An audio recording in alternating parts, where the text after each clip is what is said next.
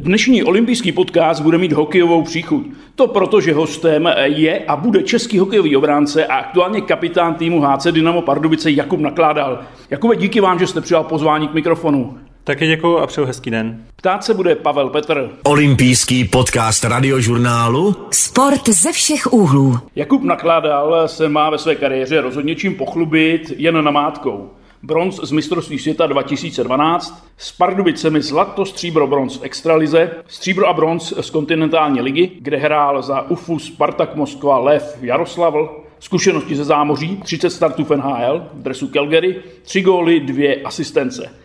Tolik hovoří statistiky. Jakou paměť má ale Jakub nakládal? Můžeme zkusit malý kvíz? Určitě, těším se. Premiéra v extralize. Kdy a proti komu? Ježiš. Tak to bude si myslím, typnul bych si někdy rok 2006, je to možný 2007? 2006, 17. září. A soupeř, vybavíte si? V Plzni? Přesně tak. Můžeme jít dál? Úvodní extraligová trefa?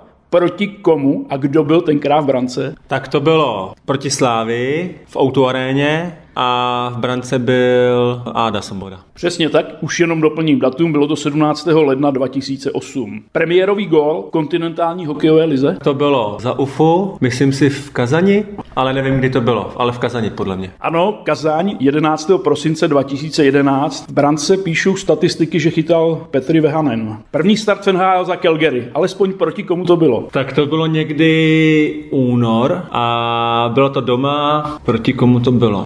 Jejda, tak to si teďka nespomenu. Otava? Těsně vedle 9. února 2016 proti Torontu. Premiérový střelecký zápis v prestižní zámořské soutěži. Proti Bostonu, v Bostonu, koncem února nebo, nebo začátek března nějak. 1. března 2016 a v bráně shodou okolností další film. V bráně byl Tukarask. No a poslední kvízová otázka. Přípravný zápas ve Stiga hokej během mistrovství světa ve Švédsku. Devět let zpátky, ale výsledek určitě zůstal v paměti. Výsledek nezůstal v paměti. Vím, že tam jsem dal svůj první a jediný gol na mistrovství světa.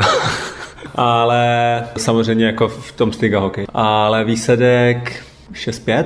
Dokonce snad 1-6 to bylo na, ve váš neprospěch. Nebudu se chlubit tím, kdo vás porazil, jsem byl já. Protože jste nedělali nic jiného, než jste hráli jenom stega hokej na tom mistrovství, takže to je jasný, že pak jsem dostal takovýhle klepec. Ano, připravovali jsme se dobře a připravovali jsme se na vás. S Jakubem Nakládalem sedíme prakticky na zahradě jeho rodinného domu. Díky za pohostinnost, díky za pozvání, výborný štrudl na stole, kafíčko, voda, prostě nic nechybí. Původně jsem chtěl začít, kromě toho testu hokejem, ale nedá mi to. Perfektně střížený trávník, vaše práce práce? Jo, jo, moje práce. Děkuji za pochvalu a je to můj obrovský koníček, neskutečný relax pro mě, takže vždycky, když mám nějaký, nechci trápení, ale nejsem na nějaký dobrý vlně nebo i třeba hokej, potřebuji si trošku odpočnout, zrelaxovat, tak okamžitě jdu na zahradu a buď tady stříhám stromky nebo si starám ten trávník, který si myslím, že se tak jako špičkujem s mým bratrem, který bydlí asi 500 metrů odsud a má to, řekl bych, úplně podobně nebo stejně na zahradě jak já, takže to je takový boj mezi náma, ale jako v dobrém samozřejmě samozřejmě. Mimochodem víte o někom z hokejistů, kdo má třeba podobnou zálibu? No, tak to se přiznám, že neznám asi nikoho. Nevím, nevím, jestli někdo je až takový blázen. Samozřejmě pak, když se bavíme s klukama, kdo má třeba barák, zahradu, tak taky tam něco udělají, ale že by byl takový blázen, jak já do té zahrady, tak to nevím o nikom. Mluvil jste o tom, že na zahradu unikáte v okamžiku, kdy potřebujete nabrat hlavně psychické síly. Je tady dostatek prostoru se tady zrealizovat? Až, až moc. Musím říct, že to máme dobře vymyšlený. S manželkou pomáhá nám s těmi manželky maminka, tchýně, která navrhuje zahrady a je to tak akorát. Není to malý, není to ani velký. Třeba bratr má o trošku víc toho trávníku a už přemýšlí, jak to, jak to zúžit, zmenšit. Je to akorát v tom dobrý, že pak, když by toho zase bylo moc, toho trávníku nebo těch stromů, tak člověk už se pak musí přemáhat a to samozřejmě pak je vidět, když to nejde jen tak od ruky a musí se přemáhat toho. Pochlubte se, co všechno na té zahradě je. Teď myslím samozřejmě, co se týče rostlin, keřů. Jak by řekla manželka, nemáme japonskou zahradu, ale zahradu s japonským chemickými prvky, což je velký rozdíl, jestli náhodou nevíte. Máme tady hodně těch borovic a jehličnatých stromů. Minulý rok, teď se na ní přímo koukáme, na vystáry sázeli přímo tady, která samozřejmě ještě teďka je holá, protože ještě nezačala kvíst, ale to doufám, mám takovou představu, že to jednou bude velký, krásný strom, takový, jak se člověk kouká na ty fotky v Japonsku nebo v Číně. Bambusy, skálku jsme dělali minulý rok, ty kameny velký, tak to taky bylo vtipný, jak eh, nám to bagr dával přes ten plot. Jeden ten kámen váží něco kolem 500 až 600 kg, takže to nebylo nic taky jako srandovního. Ještě si myslím, že tady je dost práce, ale je to, jak jsem říkal, je to koníček můj i manželky a pak samozřejmě, když si tady lehnu na tu zahradu, tak je nám příjemně a, a cítíme se opravdu doma. Máme tady takový to naše útočiště. Jinak doma pomáháte, třeba uvnitř vašeho domu, třeba s úklidem, se vším možným s nějakými domácími pracemi? To by byla dobrá otázka na manželku, protože já si myslím, že pomáhám, pak samozřejmě někdy je mi vysvětleno, že by to mohlo být lepší, že zas až tolik nepomáhám, ale jo, to samozřejmě teďka si dělám srandu, když to jde a když můžu, tak rád pomůžu manželce, protože na druhou stranu ona celých těch devět let, co jsme byli venku, tak tam neskutečně jela na plný obrátky a měli jsme absolutní komfort ve všem. I teďka vaří dvakrát denně, každý pomalu pere, takže o tu domácnost se stará výborně a vím, že to není nic jen tak samozřejmého a jednoduchého, takže si toho vážím a když můžu, tak samozřejmě rád pomůžu. I třeba s dětmi a se školou, protože starší syn šestiletý už vlastně začal školní docházku, druhý mladší, kterou jsme tady viděli, tomu jsou čtyři roky, takže dokážu si představit, jak ten starší syn sedí u počítače, distanční studium a za zády má tatínka Jakuba nakládala. No, tak to je vtipný. Já samozřejmě se těším, až budu mu pomáhat, když samozřejmě to bude v mých silách s nějakýma úlohama tak, ale učí se maminka s ním. Někdy suplou maminku, když není třeba doma a musím s něčím pomoct, ale myslím si, že klídek nám vydrží tak tři minutky. Po třech minutách už tam na mě huláká, že chce mamku a že se se mnou učit nebude, že se učí s mamkou, protože mamka má na tohle větší trpělivost. Já samozřejmě zrovna na tuhle konkrétní věc až takovou trpělivost asi nemám, takže v tomhle tom taky jako je lepší mamka. Mimochodem, už kluci ovládají brusle, hokejku, puk, Chtěli jsme v září vlastně minulého roku dát Kubíka na ten kurz začátečnický. Brusit umí a teď třeba poslední dobou chodí i na kolečkový bruse tady a baví ho to, ale zatím vyhrává fotbal u nás, takže uvidíme, jak to bude, ale ten fotbal ho baví. Já se přiznám, že fotbal mám moc rád a docela je to pohoda, když je pak pěkně a člověk jde na to hřiště, je venku. Konec konců máme tady hřiště kousek od baráku, kam si s ním chodím i kopat já, takže zatím hraje fotbal, měl ještě hrát tenis, bohužel ta doba je taková, jaká je teďka, takže nic z toho nejde. Na tom fotbale mají aspoň nějaký ty online tréninky, zapať pámbu a jak jsem říkal, můžu s ním chodit já ven, takže v tomhle tom to je jednodušší. A na fotbal má prostor na zahradě, navíc koukám tady na okně dokonce otisk míče. Jo, jo, to už jsem mu vysvětlil několikrát, protože už má docela ránu, protože samozřejmě jak byl menší, tak na ten zahradní domek mohl kopat, že neříkám, že jsem nedokopl, dokopl, ale nebyly to žádné rány. Teď už, jak ty rány má velký, tak už mu to zatrhli a je tady vidět hezký otisk na tom skle. Olympijský podcast radiožurnálu. Posloucháte podcast radiožurnálu s hostem Jakubem Nakládalem, kapitánem hokejistů extraligových Pardubic. Tak samozřejmě, ale hlavním tématem by měl být hokej. Začneme kontinentální hokejovou ligou. Rusko jako takové, vlastně u vás bylo ještě před zámořskou NHL, kterou jste si měl možnost vyzkoušet, ale co pro vás je tedy kontinentální hokejová liga? Jak jste si zvykl na Rusko, na život tam, na hokej tam? Tak uh, asi bych to rozdělil na dvě takové části, protože samozřejmě tím, jak jsem tam šel z extraligy, ligy, tak bylo mi 23 let, si myslím. Byl jsem ještě mladý, v podstatě absolutně neskušený, co se týče toho žití v tom zahraničí a přece jenom je to nějakých 10 let zpátky, tak bych řekl, že to taky vypadalo trošku jinak, než když jsme se tam pak vraceli z NHL, tak už to zase bylo někde jinde. Teď se bavím samozřejmě o té úrovni toho žití a tady těch věcech. Takže pro mě to je takový jako na dvě části a určitě povedenější je ta druhá část, kdy, kdy jsem se tam vracel z té Ameriky a šel jsem do Jaroslavle, kde vlastně jsem byl až, až eh, do minulé sezóny, kdy jsme se vraceli už, už do Čech. Ale vzpomínky na to mám pěkný a ač je to kliše, tak zároveň musím samozřejmě říct, že to byla obrovská zkušenost, co se týče toho normálního žití, nejenom hokejového, když to řeknu hloupě, tak hokej se hraje všude stejně, nebo velmi podobně, ale co se týče toho života normálního a děti nám tam vlastně chodili, vyrostly nám tam a chodili nám eh, do školky tam, takže z tohohle hlediska to byla určitě velmi dobrá cená zkušenost a a trochu si říct, že nám to mě i manželce dalo a dává takový velmi přínosný nadhled. Hodně zajímavé bylo asi angažmá v Praze, v Pražském Lvu, kde vlastně jste hrál kontinentální ligu a kde už si i fanoušci hodně zvykali na to, že vlastně tady vidí velice kvalitní hokej. Bohužel skončilo to po finále, Jaké stopy ve vás Pražský lev zanechal? Tak abych byl upřímný, tak takový smíšený, protože já jsem tam přišel a samozřejmě já jsem měl nějakou představu o tom, jakou bych měl mít pozici v týmu a samozřejmě i o svý hře. Bohužel to úplně nedopadlo podle mých očekávání, protože teď se bavím o tom druhém roce, kdy jsme došli až do finále, kdy jsem ne úplně si sednul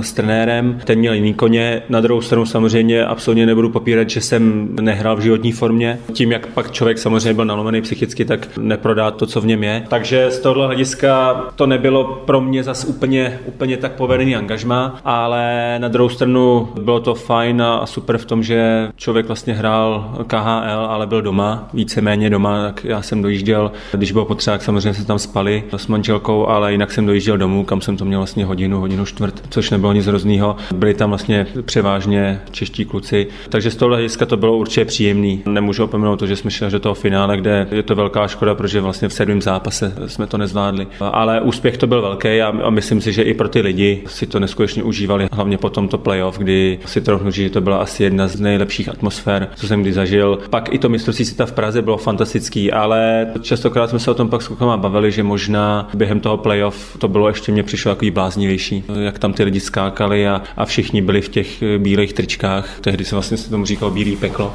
tak eh, to bylo opravdu fantastický, takže z toho hlediska ty vzpomínky jsou parádní. Hezky se vzpomíná na to, když lidé mohli do hlediště a byly plné haly, ale já bych zůstal ještě u Lva Praha, protože vy jste měli hodně náročné cestování, už jenom kvůli poloze Prahy, takže vím, vy jste si při cestování drželi vlastně středoevropský čas. Ve Vladivostoku byla třeba noc, 3-4 hodiny ráno a vy jste šli na procházku do města. Tak samozřejmě z začátku to bylo takový, že nikdo na to nebyl zvyklý, ale logicky to vlastně bylo dobře. Já jsem to potom zažil úplně stejně s Jaroslavlí, kde jsme taky zůstávali na svém čase na moskevském. Pak už samozřejmě jsem na to byl zvyklý, ale ono je hrozně těžký, když tam je ten posun těch 9 hodin, nebo já nevím, 10 nebo kolik. Pak člověk by vlastně se měl okamžitě přeorientovat na ten čas. Tam to není tak, že letíte pomalu o týden dopředu a, můžete se nějak aklimatizovat na ty zápasy, prostě přijetíte a druhý den hrajete, takže z toho hlediska ani to vlastně je nemožný, dá se říct, se nějak aklimatizovat, nebo možný. Je to možný, ale samozřejmě pak ty problémy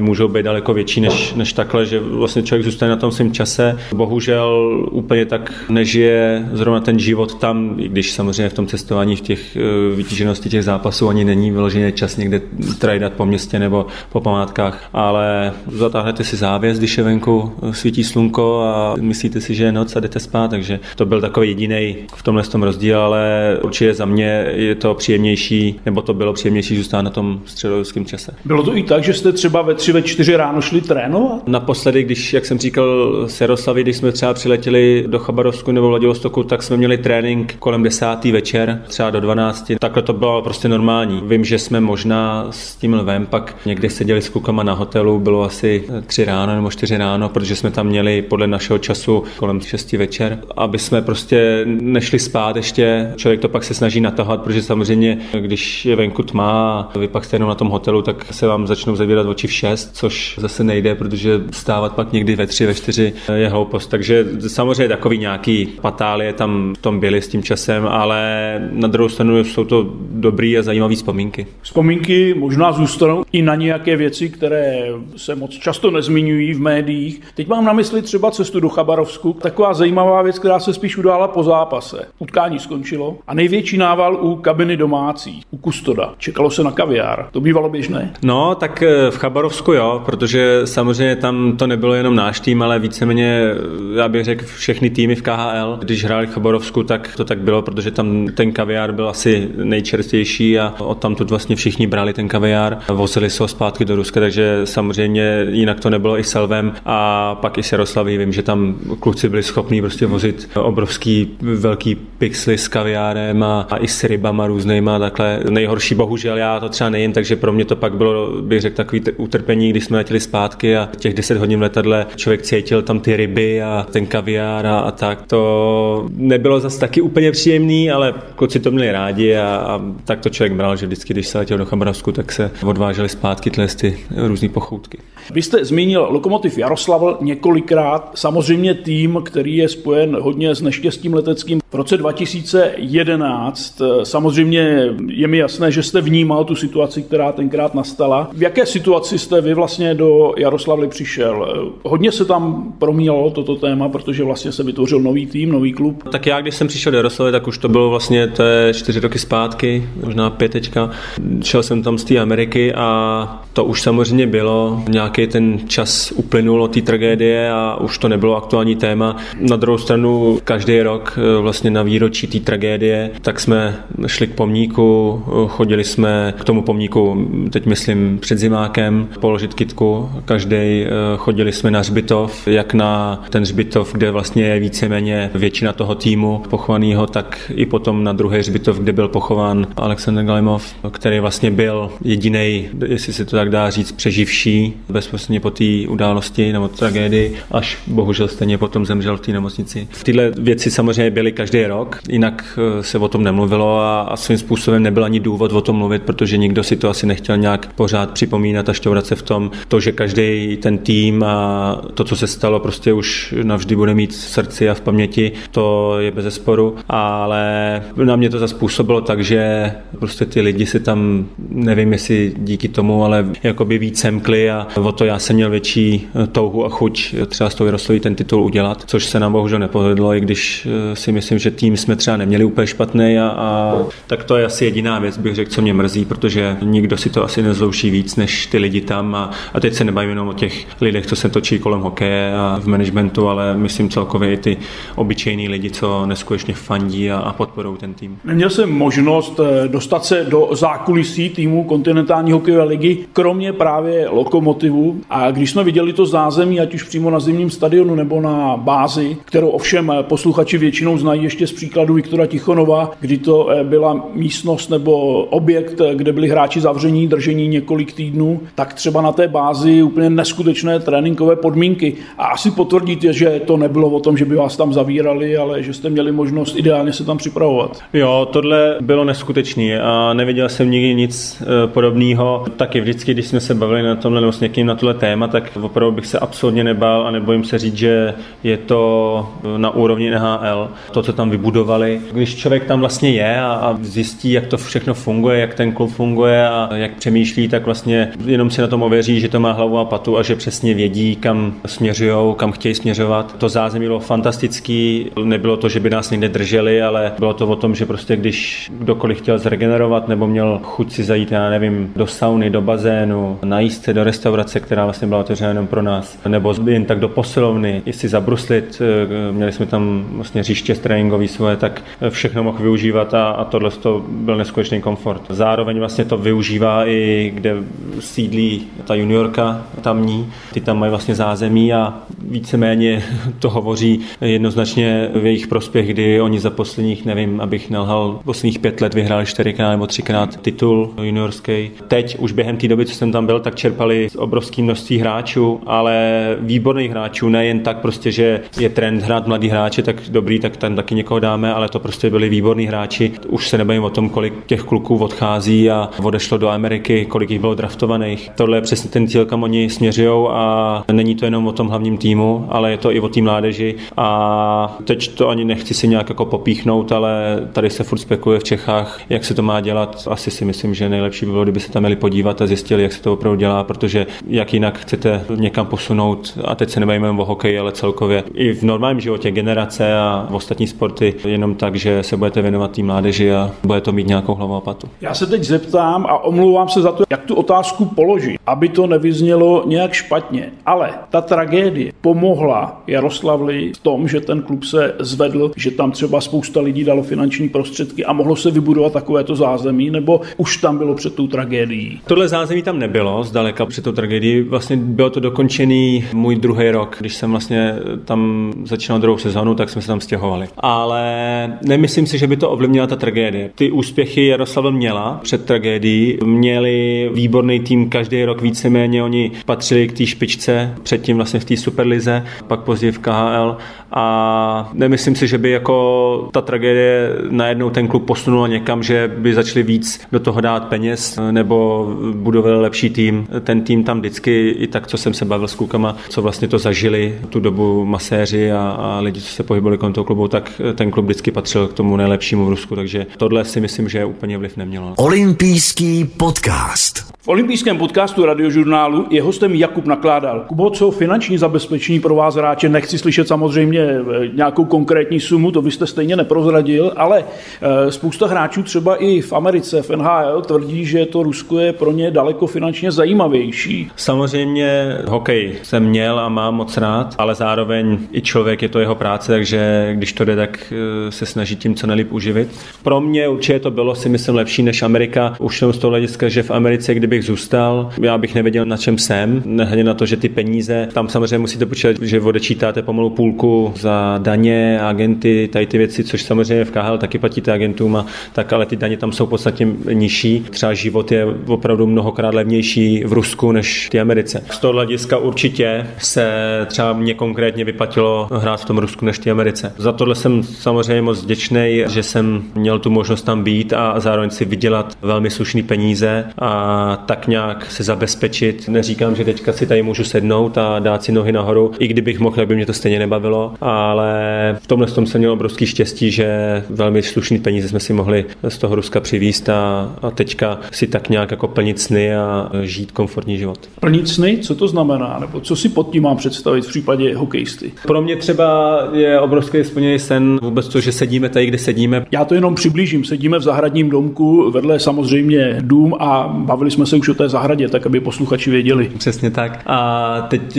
když máme vlastně rodinu, dva kluky s manželkou, tak o to víc pak člověk si uvědomuje, že nechci říct, že nic nepotřebuje, samozřejmě potřebuje a je to normální potřeba každého člověka si třeba čas od času něco koupit nebo zvelebovat ten svůj domov a tak, ale pro mě tady to je absolutně parádní útočiště a díky těm penězům jsme si samozřejmě tohle mohli dovolit. Postavit si ten dům a, a tak postupně si budovat tu zahradu a různé věci prostě kolem toho domu, což na rovinu, kdyby jsem zůstal v extralize, tak bych tady to asi nebyl schopný jako si postavit nebo ne v takové míře. Takže za tohle jsem vděčný a k tomu snu, tak tohle to všechno, co tady je, tak víceméně je takový náš sen, protože čas od času se s manželkou sedneme a tady na terasu pak se o tom bavíme, koukáme se tady do toho a, a vždycky si tak říkáme, že by nás nikdy nenapadlo, že třeba budeme žít v takovýhle, trochu si říct, luxusu a pěkným prostředí. Tohle je určitě asi takový ten jeden největší sen splněný. Jak dlouho už jste s manželkou, můžu se zeptat? Dobrá otázka. Jsme spolu 10, 11 let. 11 let. V našem povídání se musíme zastavit také u kanadsko-americké NHL. Většinou to bývá snem každého hokejisty si to zahrát. Byl to i váš sen, Jakube? Určitě jo. Samozřejmě, když jsem byl malý kluk a začali jsme hrát hokej s bráchou, tak tehdy vlastně neskutečně frčeli ty kartičky, takže jsme sbírali kartičky, měli jsme albumy a hráli jsme doma hokejček, udělali jsme si z papíru lapačku, měli jsme takový míček malý a, střídali jsme se, vždycky jsme hráli, jeden střídal na to druhýho, pak jsme se otočili. Na koho jste si hráli? Byly tam konkrétní jména? Jména tam byly konkrétní, ale vždycky to bylo, že, že jsme jako měnili ty jména, takže určitě tam v té době to byla vlastně ta doba plus minus kolem Nagana, tak eh, Lindros, samozřejmě Jager, Grecky, v bráně náš oblíbenec John Van Beesbrook, toho jsme měli moc rádi, Patrick Roa. Vždycky jsme to tak střídali, kolikrát jsme si na papíru udělali tabulku a třeba každý si vybral tři týmy a hráli jsme tak jako turnaje proti sobě. To byla stranda, to jsou hezký vzpomínky na tohle. A ta NHL tím, že jsme vlastně to měli v podvědomí, jsme se kolikrát koukali, stalo se, že jsme třeba ráno ve dvě, ve tři stávali, když bylo playoff, tehdy tuším hrál Detroit v finále, nevím s kým to hrál, vyhráli, když tam byl ještě Larionov a, a Fetisov. Jsme se koukali na ty hokeje. Určitě jako sen to byl, ale pak jak kariéra šla nějak dorost juniorka, tak si pamatuju, že třeba pro mě tehdy byl sen se dostat do Pardubic a úplně v té době jsem o NHL nepřemýšlel tím, že jsem viděl ty Pardubice jak tam kluci hráli a vždycky byl prostě plný stadion a ta atmosféra tam, tak jsem si vždycky říkal, je, to by bylo super prostě jednou si zahrát v těch Pardubicích. No a samozřejmě tím, jak člověk pak šel ten krůček po kručku, pak přemýšlel nad tou Amerikou. Ale abych byl zase upřímný, tak těsně předtím, než jsem podepsal do Calgary, tak zrovna to bylo takový to období, kdy jsem třeba si nemyslím, že jsem hrál svůj nejlepší hokej. Hodně mě tomu pomohlo mistrovství světa, kde jsem naopak zase konečně tak nějak začal hrát to, co bych měl a co bych třeba i já od sebe očekával na to mistrovství, ale před tím mistrovství sezóna v Turku nebyla úplně nějaká jako průlomová. Předtím byl ten lev, jak už jsem zmiňoval, takže určitě v té době jsem jako zase neměl hlavu nějak pomatenou NHL, protože jsem věděl, jak hraju a trochu si říct, že v tomhle tom já dokážu být sám k sobě upřímný a věděl jsem, že ty výkony nejsou rozhodně takový, že by někdo měl mít o mě zájem. 30 startů v NHL, to už vám nikdo nevymaže, stejně jako dva góly a tuším tři asistence, ale pro vás je to hodně, je to málo těch 30 zápasů v zámoří? Je to tak akorát, jestli člověk pak má, já nevím, 200 zápasů nebo, nebo 20 zápasů, 30 zápasů, tak ve finále to je úplně jedno. Já sám pro sebe si můžu říct, že jsem tam prostě byl, že těch 30 zápasů jsem odehrál, trošku možná to může vyznít na myšleně, ale myslím si, že jsem hrál dobře těch, nechci říct 30 zápasech, těch 27 v Calgary, protože tři zápasy jsem pak hrál v Karolíně, kde se mi nelíbilo už si trochu říct od prvního počátku, protože tam bylo víc věcí a, a úplně trenér ze mě nebyl nadšený od začátku, takže spíš pro mě NHL je Calgary a 27 zápasů jenom v vozovkách. Já sám si můžu říct, že jsem tam byl, že jsem prostě dosáhl asi toho nejvyššího, čeho jsem mohl dosáhnout, protože ta NHL absolutně bezkonkurenčně je nejlepší soutěž na světě. Byť ta KHL je velmi kvalitní soutěž, tak pořád prostě ten rozdíl je obrovský. A já jsem spokojený, nelitu vůbec ničeho, nic bych ani nevzal zpátky. To, že jsem pak odešel do KHL, tak taky jsem to bral naopak spíš pozitivně, protože ať z hlediska třeba i těch peněz, nebo když to vezmu z hlediska hokeje, tak eh, já potom v Jaroslavě jsem hrál jeden taky z mých nejlepších hokejů v té kariéře a vzpomínám to neskutečně rád. Ten hokej mě tam velmi bavil. Takže všechno, co tak nějak bylo, tak jak se říká, tak to mělo tak být a já bych nevzal ani, ani jeden moment zpátky. Přemýšlel jste o tom, čím to bylo, že jste se tam nedokázal třeba víc prosadit? Těžko říct tady to. Já si třeba myslím, že potom, jak už jsem říkal v Calgary, když eh, čekal jsem strašně dlouho na tu šanci, kterou já jsem přesvědčený, že jsem mohl dostat o mnoho dřív, ale zase prostě v té Americe to tak chodí, mají tam určitý pravidla, každý ten tým to třeba dělá trošku jinak, ale je to prostě zavinutá soutěž přes 100 let, vědí přesně, co dělají, takže nefunguje to tam tak, že přijdete a na chvilku si zajdete farmu, pak najednou teda hrajete dobře, tak jdete nahoru. Samozřejmě, jak u koho, ale někdy je to cíleně, někdy prostě se jim nemusíte líbit, nebo tam těch aspektů je samozřejmě víc. Já jsem si osobně myslel, že v Calgary prodloužím, protože i ty ohlasy na mě, když jsem se pak bavil s manažerem, s trenérem, tak byly dobrý, ty mě říkali, že mě chtějí, ale na druhou stranu jsem realista, prostě ta Amerika taky je to kolikrát jenom biznis. Mně v té době bylo tuším 27 let. Pro ně jsem samozřejmě taky nebyl úplně nejmladší, kdy vlastně při tom trendu už bylo dávat prostor těm mladým, co si vychovávali. A kdybych prostě hrál absolutně fantasticky pro ně a, a byl jsem třeba ten, neříkám úplně rozdílej hráč, ale někde kolem toho, tak by mě podepsali, kdyby prostě jsem zapadal do jejich konceptu. Oni měli asi jinou představu, což je normální a takhle to bylo. Ale jako to, jestli mě to vyhovovalo, nevyhovovalo, co bych třeba změnil, těžko říct, jako nevím. Druhá věc je, že určitě to je i taky hodně o štěstí, ale to není jenom v té ale je to celkově jako v tom sportu, v životě.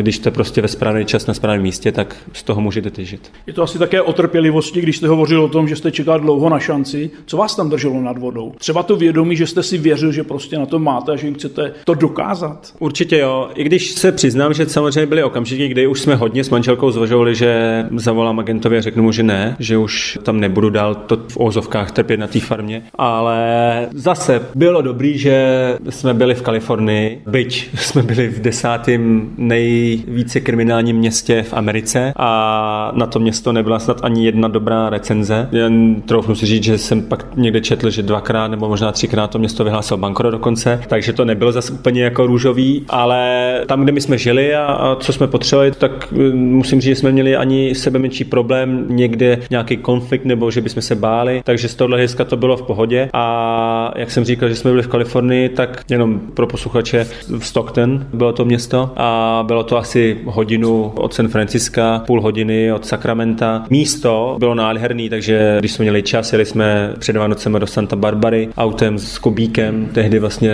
mu bylo roka půl. Z tohle hlediska jsme se to opravdu zase snažili užít a vyždímat z toho maximum. V San Francisku jsme byli několikrát. To si taky myslím, že určitě hrál svoji roli, protože kdyby jsme byli někde v nějakém městě, kde je zima, kde víceméně nic není, nedá se nikam jezdit, tak asi by člověk to taky snášel hůř. Určitě manželka obrovská opora pro mě a nejenom v tom stoknu, ale celkově vůbec tím životem, co jsme spolu, tak a hlavně v tom hokeji vždycky mě podporoval neskutečně skutečně stála za mnou a naopak ona byla kolikrát tak, kdy já už jsem měl choutky se něco vykašlat, tak ona šla a řekla prostě, že přece to takhle nevzdáš nebo dokaším prostě, že na to máš. Tyhle všechny věci mě vedly k tomu, že prostě to nevzdám a rozhodli jsme se, že tu sezónu prostě tam dojedeme a se děje, co se děje a přiznám se, že jsem si vůbec nepřipouštěl, že bych tu šanci nedostal. Prostě jsem věřil, že jednou přijde, byť jenom v ozovkách na těch 27 zápasů, ale přišla a potom jsem pořád měl šanci ukázat, že na to mám a že můžu být platný pro ten tým.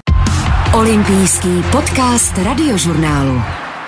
Olympijský podcast radiožurnálu je dnes na hokejové téma s hokejistou Jakubem Nakládalem. Konečně se můžeme dostat k vašemu příchodu do Pardubic. Ve 33 letech návrat eh, do České extraligy po deseti letech. Není to příliš brzy? Ani ne pro mě, protože dlouho jsme se s manželkou už na to téma bavili a bylo to parádních deset let, ale zároveň nesmírně těžkých na psychiku. Zároveň musím říct, že obrovsky těžkých pro manželku, protože to opravdu není nic jednoduchého. Každý, kdo tak úplně do toho toho nevidí, tak si myslí, že to je opravdu pohodička, že ta žena v domácnosti, co tam je, takže si koupí novou kabelku a, a tím se to vlastně smaže, ale to je úplná hloupost. Nechci to vůbec ani rozbírat, ale manželku to pomalu stálo zdraví, takže klobouk dolů před ní, to určitě musím říct, to je to a za tohle si nesmírně vážím. Pak samozřejmě tím i, jak jsme měli kluky, dva, Kubík ten, tenhle rok šel do školy, tak to jsme si vlastně říkali úplně tuším od začátku, že až prostě budeme mít děti a, a pak když se narodil Kubík, tak jsme si říkali, říkali, že až půjde do školy, takže bychom chtěli do té první třídy, aby už šel prostě v Čechách, aby měl takový to vítání prvňáčků a tyhle ty prostě okamžiky, aby na to mohl vzpomínat a měl to doma v Čechách. To všechno tak nějak k tomu směřovalo. Další věc, co taky je podstatná, tak já jsem vždycky tak nějak měl v hlavě, že bych jsem chtěl odejít z toho Ruska, dá se říct na tom vrcholu. Nechtěl bych odcházet, kdy už prostě jsem nechtěný, nebo kdy to tam víceméně dohrávám jenom kvůli tomu, že jsem tam už, já nevím, třeba pět let v tom týmu a takže jako v úzovkách ze soucitu což více mě, se mě tak nějak splnilo, protože ty čtyři roky jsem hrál, řekl bych, jeden z mých nejlepších hokejů. Vracel jsem se opravdu, dá se říct, na tom vrcholu. Tohle hlediska nebylo to prvoplánový, ale bylo to tak nějak jako promyšlenější dopředu. V jakém stavu jste tu Českou extraligu našel? Hodně se změnila za těch deset let? Určitě se změnila, jako celkově ten hokej se změnil, všechno se zrychlilo. Není to vůbec špatná soutěž ta extraliga. Samozřejmě jedna věc je, že spoustu lidí vždycky si myslí, že když se vrací někdo, já nevím, z Ruska nebo z NHL, kdy byl také dlouho, takže by se měl přijít do té extraligy a měl mít tady, já nevím, dva body na zápas a měl by absolutně dominovat. Samozřejmě může dominovat na druhou stranu ta soutěž, prostě to není opravdu nějaká soutěž pro hobíky, že sem přijdete a budete si dělat, co chcete, takže je určitě velmi kvalitní. Na druhou stranu samozřejmě myslím si, že celkově ten český hokej, ta extraliga určitě má spoustu slabin a spoustu věcí, kde to zlepšit a na čem pracovat. Vy jste dostal hned eh, na dres kapitánské C. Překvapilo vás to? Překvapilo, nepřekvapilo. Já samozřejmě, když jsem podepisoval, nebo už tak nějak jako to bylo jasný, že se vrátím do těch Pardubic, tak jsem tehdy se bavil o tom s Honzou Kolářem, který vlastně byl v té době kapitán. Diskutovali jsme to. Pak, když jsem přišel, tak trenéři vlastně mě řekli, že by chtěli, abych já byl kapitán. I po domluvě vlastně s Honzou. Tak to prostě přišlo. Předtím jsem samozřejmě byl kapitán velmi krátce, já nevím, na dva turnaje v Nároďáku, v Turku, možná na pár zápasů v Jaroslavli, ale nikdy jsem nebyl takhle prostě na celou sezónu. To bylo zase něco novýho, ale tak nějak jsem se prostě přizpůsobil té roli, přizpůsobil během té sezóny, protože ono samozřejmě taky to není tak, že si prostě člověk řekne je kapitán a, a má to C, jede se dál, taky to vyžaduje zase nějaký jako věci, které předtím třeba člověk vůbec nemusel řešit a neřeší jako v úzovkách normální hráč bez toho C.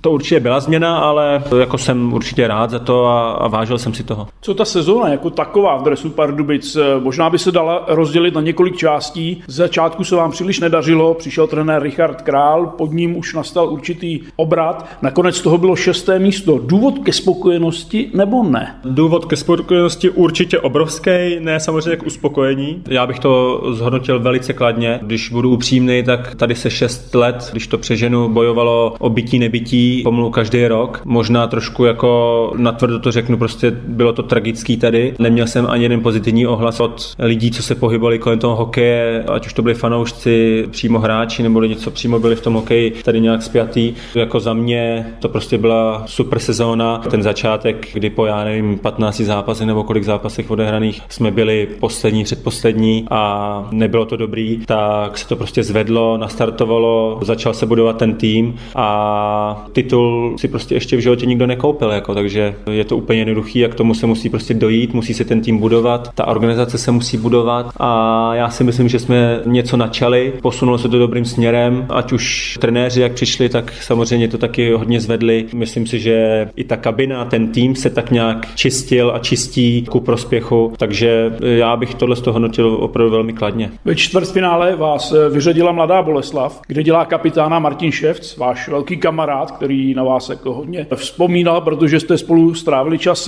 ve Lvu Praha, dokonce prý na jednom pokoji. Ano, ano, my jsme byli spolu na pokoji vždycky a Švýcko je super člověk. Samozřejmě není úplně oblíben u protihráčů v extralize, protože co se týče toho vystupování na ledě, tak je hodně impulzivní. Na druhou stranu dělá to výborně, protože za ten tým se bije a je takový nekompromisní, ale když sundá bruse, tak je to výborný člověk, absolutní kliděs. A já jsem ho měl, nebo mám ho vlastně doteďka moc rád a byly to super chvíle. Stáli jsme spolu spoustu nocí na pokoji v tom lvu. Seděli jsme v letadle vedle sebe přes uličku a, a byla sranda. Rozebrali jste to vyřazení ve čtvrtfinále vaše? Vůbec jsme to nerozebírali, víceméně jsme se pozdravili, já jsem mu pogratuloval, popřál jsem mu hodně štěstí do dalších bojů, ale nebyl ani čas nějak to důkladně rozebrat a, a říci k tomu pár vět. Oni samozřejmě hnedka, jak to šlo, tak jeli domů do Boleslavy. My zrovna, nebo já jsem nebyl úplně v nejlepším rozpoložení, protože nám skončila sezóna, ale věřím tomu, že určitě ten čas si najdeme a bude spoustu příležitostí. Neříkám to rozebírat, protože zase není úplně co rozebírat, ale, ale spíš si tak jako popovídat a vidět se. Sezona vám, Pardubickým, skončila. Co ale dál? Jak teď přemýšlíte o své budoucnosti ve 33 letech? Pardubicích mám smlouvu ještě na dva roky, takže samozřejmě tím je to jasný a určitě velká motivace pro mě je samozřejmě, že titul, ale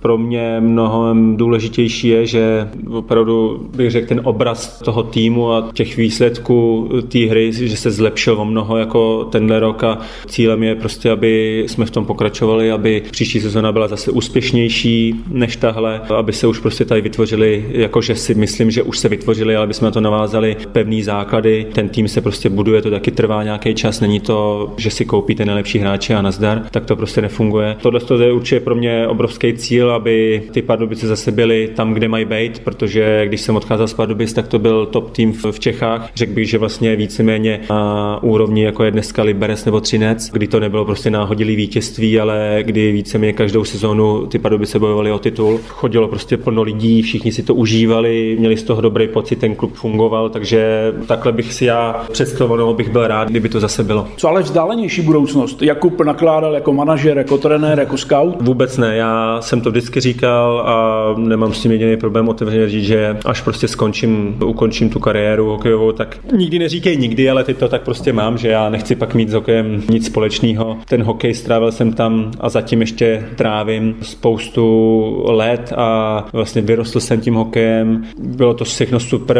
zatím ještě je, protože se nehodlám loučit, ale zase musím říct, že se těším, že prostě jedna kapitola skončí e, života a já otevřu novou kapitolu. Už samozřejmě mám nějaký plány a všechno to v ozovkách nachystaný, jak si představu, že by to mohlo být a půjde se prostě zase úplně jiným směrem, takže nemám ty ambice, že bych jako chtěl pak být trenér nebo že bych chtěl být manažer. Samozřejmě někdo to má v krvi, někdo ne. Kousek od vás, a to už je moje poslední otázka. Vidím dva dresy. Ten Calgary, o tom jsme mluvili, a pak eh, vedle je reprezentační dres s číslem 87. Hovořil jste o kapitolách, uzavřená kapitola reprezentace nebo ne? Potom, jak jsem už viděl během té kariéry a celkově zase řeknu v tom sportu, jak někdo prostě oznámí konec, pak se vrací, pak zase řekne, že končí, zase se vrací, tak to samozřejmě není úplně za mě jako nejideálnější, takže jsem v tomhle tom takový jako opatrný, radši říkám, že nevím, že uvidíme. Asi pro mě to není úplně jako na pořadu dne. Jedna věc je samozřejmě, jestli by měli zájem trenéři, ale teď čistě hovořím sám za sebe. Říkal jsem to i před sezónou, do Pardubic jsem šel, chtěl jsem prostě věnovat veškerou energii těm Pardubicím. Letos třeba to vůbec nebyla jednoduchá sezóna, protože prakticky díky tomu covidu jsme hráli třikrát týdně, takže ty síly taky pak ubývají